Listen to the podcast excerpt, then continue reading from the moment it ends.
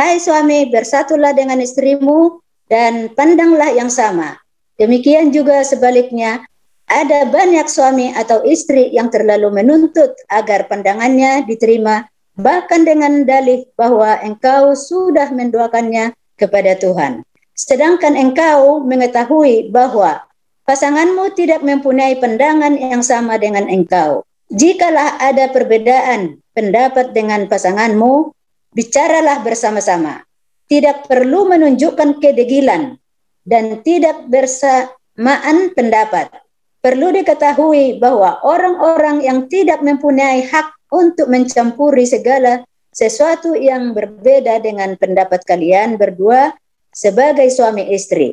Saudaraku yang kekasih, suami dan istri, bukalah pintu hatimu untuk menerima Tuhan Yesus. Undanglah dia ke dalam bait suci jiwamu. Bantulah satu dengan yang lain untuk mengalahkan segala rintangan yang menyusup dan ke dalam hidup pernikahanmu.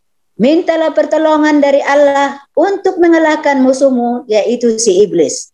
Kamu berdua harus bersatu dalam mengambil keputusan untuk mengalahkan tutup bibirmu rapat-rapat supaya jangan membicarakan sesuatu perkataan tentang kesalahan pasanganmu.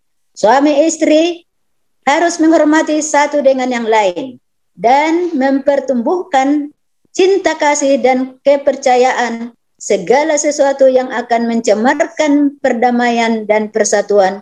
Keluarga harus dibuang dengan dibuang dengan tegas dalam kemurahan hati dan cinta kasih harus dipelihara.